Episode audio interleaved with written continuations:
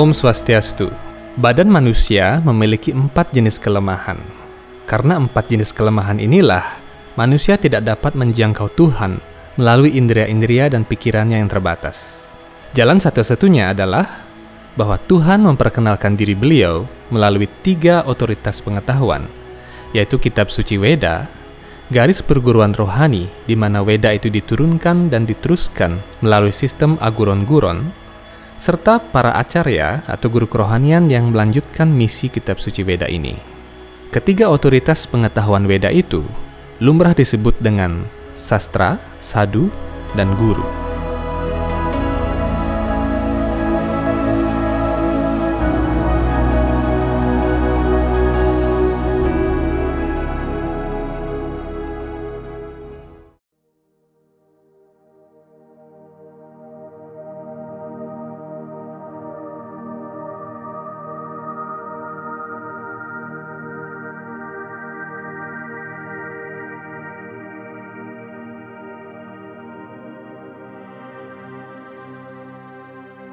Dalam kebudayaan Jawa kuno, ketiga otoritas Weda ini lazim disebut dengan Trisula Weda. Kitab suci Weda mengemukakan tiga jalan mencari pengetahuan, yaitu dengan observasi indria, menarik kesimpulan berdasarkan gejala-gejala dan hubungan antar variabel, serta dengan bertanya kepada otoritas pengetahuan. Sejauh mana ketiga jalan tersebut dapat mengungkap kebenaran dijelaskan oleh Yang Suci Rohani, Srila Bhakti Swarupa Damodara Goswami Maharaja berdasarkan fakta dan rujukan absah dari kitab suci Weda. Pratyaksa atau persepsi langsung. Menurut Vedanta atau akhir pengetahuan Weda, pengetahuan yang diperoleh secara langsung melalui bantuan indria-indria disebut pratyaksa. Indria-indria kasar meliputi mata, telinga, hidung, kulit, dan lidah. Selanjutnya, pikiran dianggap sebagai indera yang lebih halus atau indera keenam, dan melalui pikiran, seseorang dapat memperoleh pengetahuan dan melakukan sintesa atas pengetahuan itu. Menurut pendekatan Vedanta, peranan pratyaksa sangat penting dalam memperoleh pengetahuan. Namun akibat keterbatasan fisik indera-indera manusia, pengetahuan yang didapat melalui pratyaksa mungkin tidak sempurna. Sebagai contoh, orang buta atau orang gila mempunyai keterbatasan dalam memperoleh pengetahuan melalui mata dan pikiran mereka. Akan tetapi bagi orang normal yang seluruh indrianya dalam keadaan baik dapat memperoleh pengetahuan melalui semua indrianya dan akan memiliki pengetahuan yang lebih baik daripada orang buta atau orang gila tersebut. Dalam kondisi normal, pengetahuan yang diperoleh melalui pratyaksa memiliki empat keterbatasan. Karena itu pendekatan bottom up atau dari bawah ke atas tidak mampu memberikan pengetahuan yang sempurna tentang Tuhan namun dalam tradisi Weda, seorang praktisi spiritual dilatih untuk menyempurnakan indria-indrianya dengan menjalani disiplin spiritual atau yoga yang ketat, sehingga indria dan pikirannya dapat disucikan sepenuhnya. Pada tingkatan tersebut, indria-indria material sepenuhnya diubah menjadi rohani, sehingga seseorang secara langsung dapat menerima pengetahuan tentang realitas tertinggi melalui pratyaksa. Karena itu seorang rohaniwan yang maju dapat menerima pengetahuan dengan cara ini. Dalam kitab suci Weda Bhagavad Gita bab 9 sloka 2, Tuhan Sri Krishna menjelaskan kepada teman sekaligus muridnya, Arjuna. Raja Vidya Raja Guhyam Pawitram Idam Uttamam. Pratyaksha Wagamam Dharmyam Susukham Kartumavyayam. Pengetahuan ini adalah raja pendidikan yang paling rahasia dari segala rahasia. Inilah pengetahuan yang paling suci, dan karena ia memberikan persepsi langsung tentang sang diri atau roh, melalui keinsafan. Inilah kesempurnaan agama. Pengetahuan ini bersifat kekal dan dilaksanakan dengan riang. Dalam sloka ini Tuhan Sri Krishna mengajarkan kepada Arjuna bahwa pengetahuan tentang pelayanan bakti kepada Tuhan adalah yang paling rahasia, suci dan tertinggi. Pengetahuan ini diterima secara langsung atau pratyaksa oleh abdi Tuhan yang tulus dan berkualifikasi karena dia telah mencapai tingkatan penyucian yang sempurna serta seluruh indria termasuk pikirannya telah disucikan sepenuhnya melalui latihan disiplin yoga yang lama. Agar menjadi berkualifikasi untuk menerima pengetahuan dengan cara ini, seseorang memerlukan kualifikasi spiritual dan penyucian indria-indria secara khusus melalui prinsip-prinsip yang mengatur. Walaupun kemampuan indria-indria manusia terbatas, pencarian pengetahuan dalam tradisi Weda adalah mengetahui kebenaran mutlak yang melampaui batas indria-indria material. Anumana berarti penyimpulan terhadap suatu objek yang tidak diketahui berdasarkan hubungan objek tersebut dengan objek lain yang dapat diamati melalui gejala-gejala indria. Sebagai contoh, aliran partikel-partikel alfa yang bermuatan listrik akan meninggalkan jejak ion ketika ia melintasi gas dalam ruang awan atau cloud chamber. Ketika uap air mengembun di atas ion-ion tersebut, lintasan partikel alfa tampak seperti garis tetesan air. Jadi walaupun kita tidak dapat melihat partikel-partikel alfa, kita dapat menyimpulkan keberadaannya melalui lintasan tetesan-tetesan air yang mengembun di atas ion-ion. Begitu pula lintasan elektron dapat diperkirakan ketika sinar X melewati ruang awan. Terbentuknya kerangka acuan seperti ini melibatkan logika. Misalnya menyimpulkan keberadaan partikel-partikel fundamental yang bermuatan listrik dari lintasan titik-titik air akan melibatkan argumen-argumen logis yang berdasarkan atas beberapa fakta empiris. Dengan kata lain, anumana melibatkan logika. Sebagaimana dinyatakan sebelumnya, indria-indria memiliki empat keterbatasan. Srila Jiwa Goswami, seorang acarya besar Hindu pada abad pertengahan, telah membahas keterbatasan-keterbatasan ini dalam kitab suci Veda Tattva Sandarbha sebagai berikut. Keterbatasan yang pertama adalah Brahma atau ilusi. Indria-indria termasuk pikiran sering kali melakukan kesalahan dalam berbagai keadaan sehingga menciptakan ilusi atau hayalan. Sebagai contoh, fata morgana yang terlihat di gurun pasir. Fenomena ini terjadi ketika cahaya dari langit dibiaskan ke atas dengan kuat di dekat permukaan sehingga memberikan penampakan air. Padahal sesungguhnya tidak ada air sama sekali. Kelemahan kedua adalah pramada atau kesalahan. Hal ini berarti indria-indria dapat membingungkan seseorang sehingga ia cenderung melakukan kesalahan. Misalnya, sebuah benda lurus terlihat bengkok ketika dicelupkan ke dalam media bening dan seutas tali tampak bagaikan seekor ular. Disebabkan oleh keterbatasan indria, terkadang kita melakukan kesalahan dalam menafsirkan pengamatan kita. Oleh karena itu, setiap orang di dunia ini dapat melakukan kesalahan sehingga ada pepatah mengatakan, melakukan kesalahan adalah manusiawi. Sehubungan dengan pepatah tersebut, Einstein mengungkapkan sebuah pernyataan menarik. Mungkin lebih baik menyimpan apa yang telah kita selidiki dalam pikiran kita, namun pada prinsipnya tidak benar jika kita berusaha membuat landasan teori hanya berdasarkan pengamatan belaka. Pada kenyataannya, hal yang sebaliknya terjadi, dan teori itulah yang menentukan hal yang tepat kita amati. Kelemahan ketiga dari indria manusia adalah karena pawa. Karena pawa berarti Indria-indria kita sangat terbatas dan hanya mampu mengamati sebagian kecil dari realitas. Contohnya, kita tidak mampu mendengar suara yang mempunyai frekuensi di bawah 20 Hz atau infrasonik dan di atas 20.000 Hz atau ultrasonik. Selain itu, kita juga tidak mampu melihat radiasi elektromagnetik dalam jajaran ultraviolet dan inframerah. Kelemahan indera yang keempat disebut wipralipsa. Hal ini menunjukkan kecenderungan untuk tipu menipu Kejujuran merupakan sifat mulia dalam kehidupan manusia. Terkadang seseorang dikuasai oleh rasa bangga dan keakuan palsu serta keangkuhan, sehingga indria-indrianya dicemari oleh sifat alam material yang lebih rendah. Dalam keadaan tersebut, seseorang menjadi tidak jujur sehingga kecenderungan untuk tipu-menipu menguasai dirinya.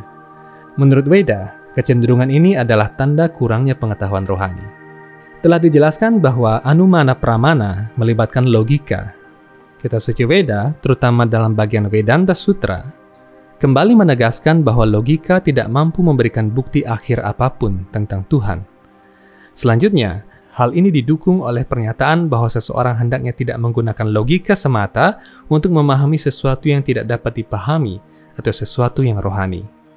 Ini dinyatakan dalam Mahabharata bagian Bhisma Parwa bab 5 sloka 22. Karena itu dapat disimpulkan bahwa sebuah penelitian ilmiah dan logika akan selalu tidak sempurna. Sebuah argumen, terdapat teori ketidaksempurnaan Gödel yang terkenal.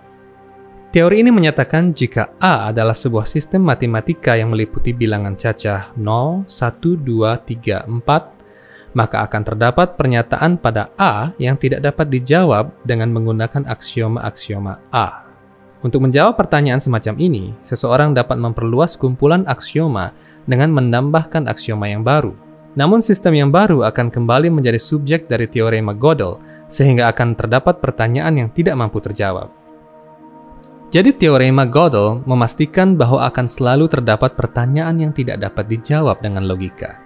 Dengan kata lain, pengetahuan ilmiah akan selalu tidak sempurna dan tidak mampu mengukur dalamnya realitas tertinggi atau Tuhan. Oleh sebab itu, kita harus bersikap serius dalam mempertimbangkan peranan konsep metafisika yang melampaui logika serta persepsi indria dalam memahami pengetahuan rohani dan Tuhan. Sehubungan dengan hal ini, Max Planck menyatakan, postulat-postulat dasar dan sangat penting dari setiap sains produktif murni tidak berdasarkan logika murni, melainkan atas dasar hipotesa metafisika di mana tidak terdapat kaidah logika yang mampu menyangkal bahwa terdapat sebuah dunia lain yang sepenuhnya terlepas dari dunia kita, hanya melalui hati nurani yang seketika muncul dalam kesadaran kita, maka kita dapat mengetahui bahwa dunia itu ada. Sabda atau pengetahuan yang divahyukan dan proses top-down.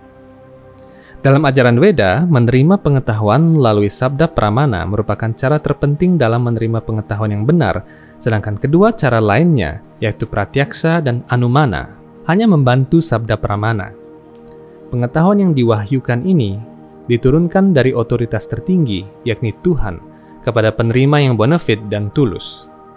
Kualifikasi sang penerima hendaknya seseorang yang telah menyerahkan diri sepenuhnya kepada Tuhan, sehingga memenuhi syarat untuk menerima karunia rohani Tuhan. Seperti telah disebutkan sebelumnya, proses ini juga disebut pendekatan top-down dalam menerima pengetahuan atau awaroha pantha. Sebuah contoh sederhana untuk menemukan jawaban yang benar terhadap pertanyaan siapakah ayah dari anak si A dalam proses ilmiah atau bottom up, seseorang dapat melakukan penelitian ekstensif dengan mencocokkan profil DNA dari beberapa kandidat dari anak tersebut.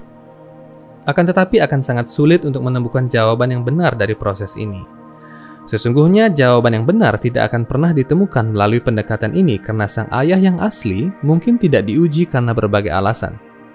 Oleh sebab itu, pendekatan yang termudah dan terpercaya adalah bertanya kepada ibu kandungnya dan jawabannya akan menjadi putusan akhir. Faktanya seorang ibu tidak akan pernah membohongi putranya yang tercinta. Jika seseorang ingin membuktikan jawaban ini secara ilmiah, uji DNA tetap bisa dilakukan. Dengan cara ini, permasalahan tersebut dapat diatasi. Proses ini berkaitan erat dengan keyakinan murni si anak terhadap kata-kata ibunya.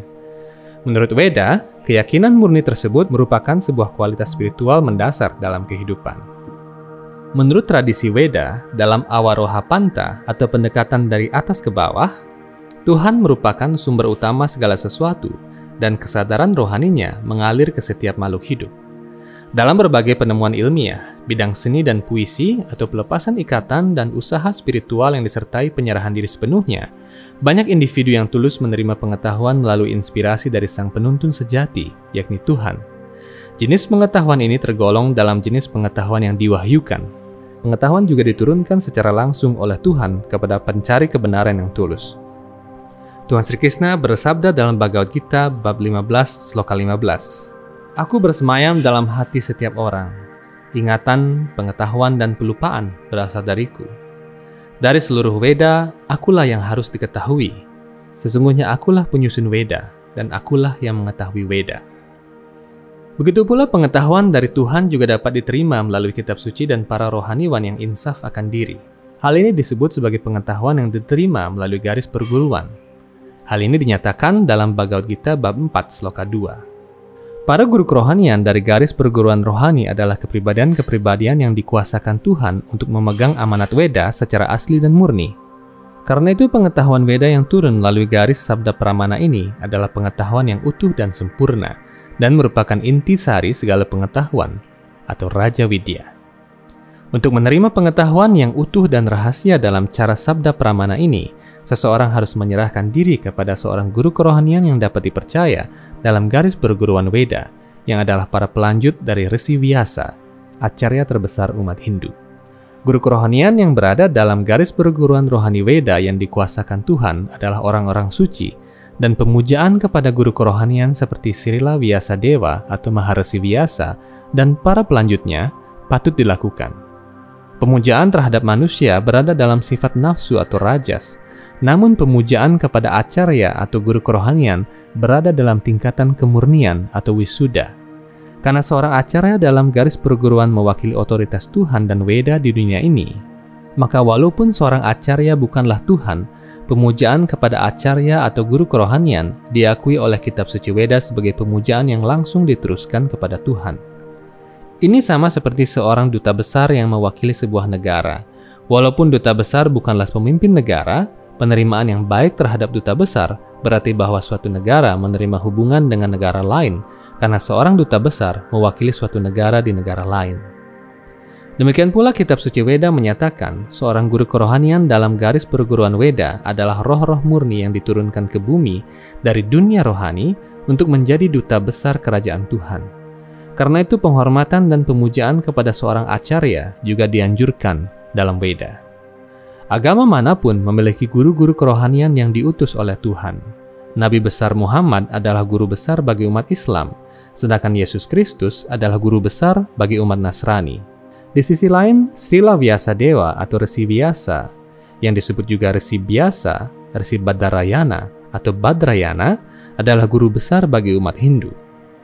Maharsi Vyasa bukan hanya utusan Tuhan, namun adalah penjelmaan Tuhan sendiri sebagai seorang resi untuk membagi pengetahuan Weda ke dalam berbagai cabang yang kita kenal sekarang. Oleh sebab itu, dari golongan dan sampradaya mana pun seseorang berasal, serta ista dewata mana pun yang seseorang puja, Maharsi Vyasa harus mendapatkan penghormatan pertama sebelum melakukan puja. Demikian video Hindu Times Channel mengenai empat jenis kelemahan manusia. Semoga video ini bermanfaat untuk Anda Sampai jumpa di video-video Hindu Times berikutnya. Om Santi Santi Santi Om.